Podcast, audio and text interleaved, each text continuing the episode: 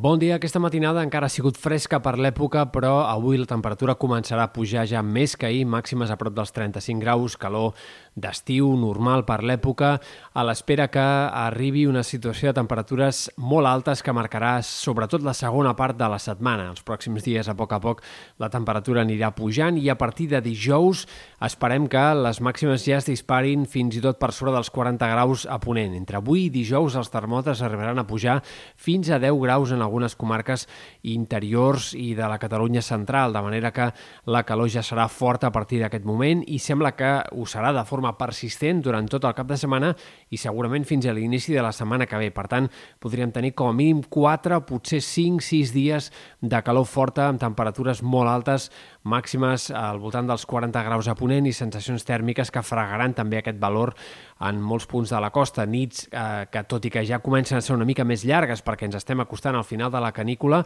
també seran de molt mal dormir a la costa, nits tòrrides amb temperatures mínimes que segurament superaran els 25 graus i, per tant, el termòmetre no baixarà dels 25 graus durant la matinada.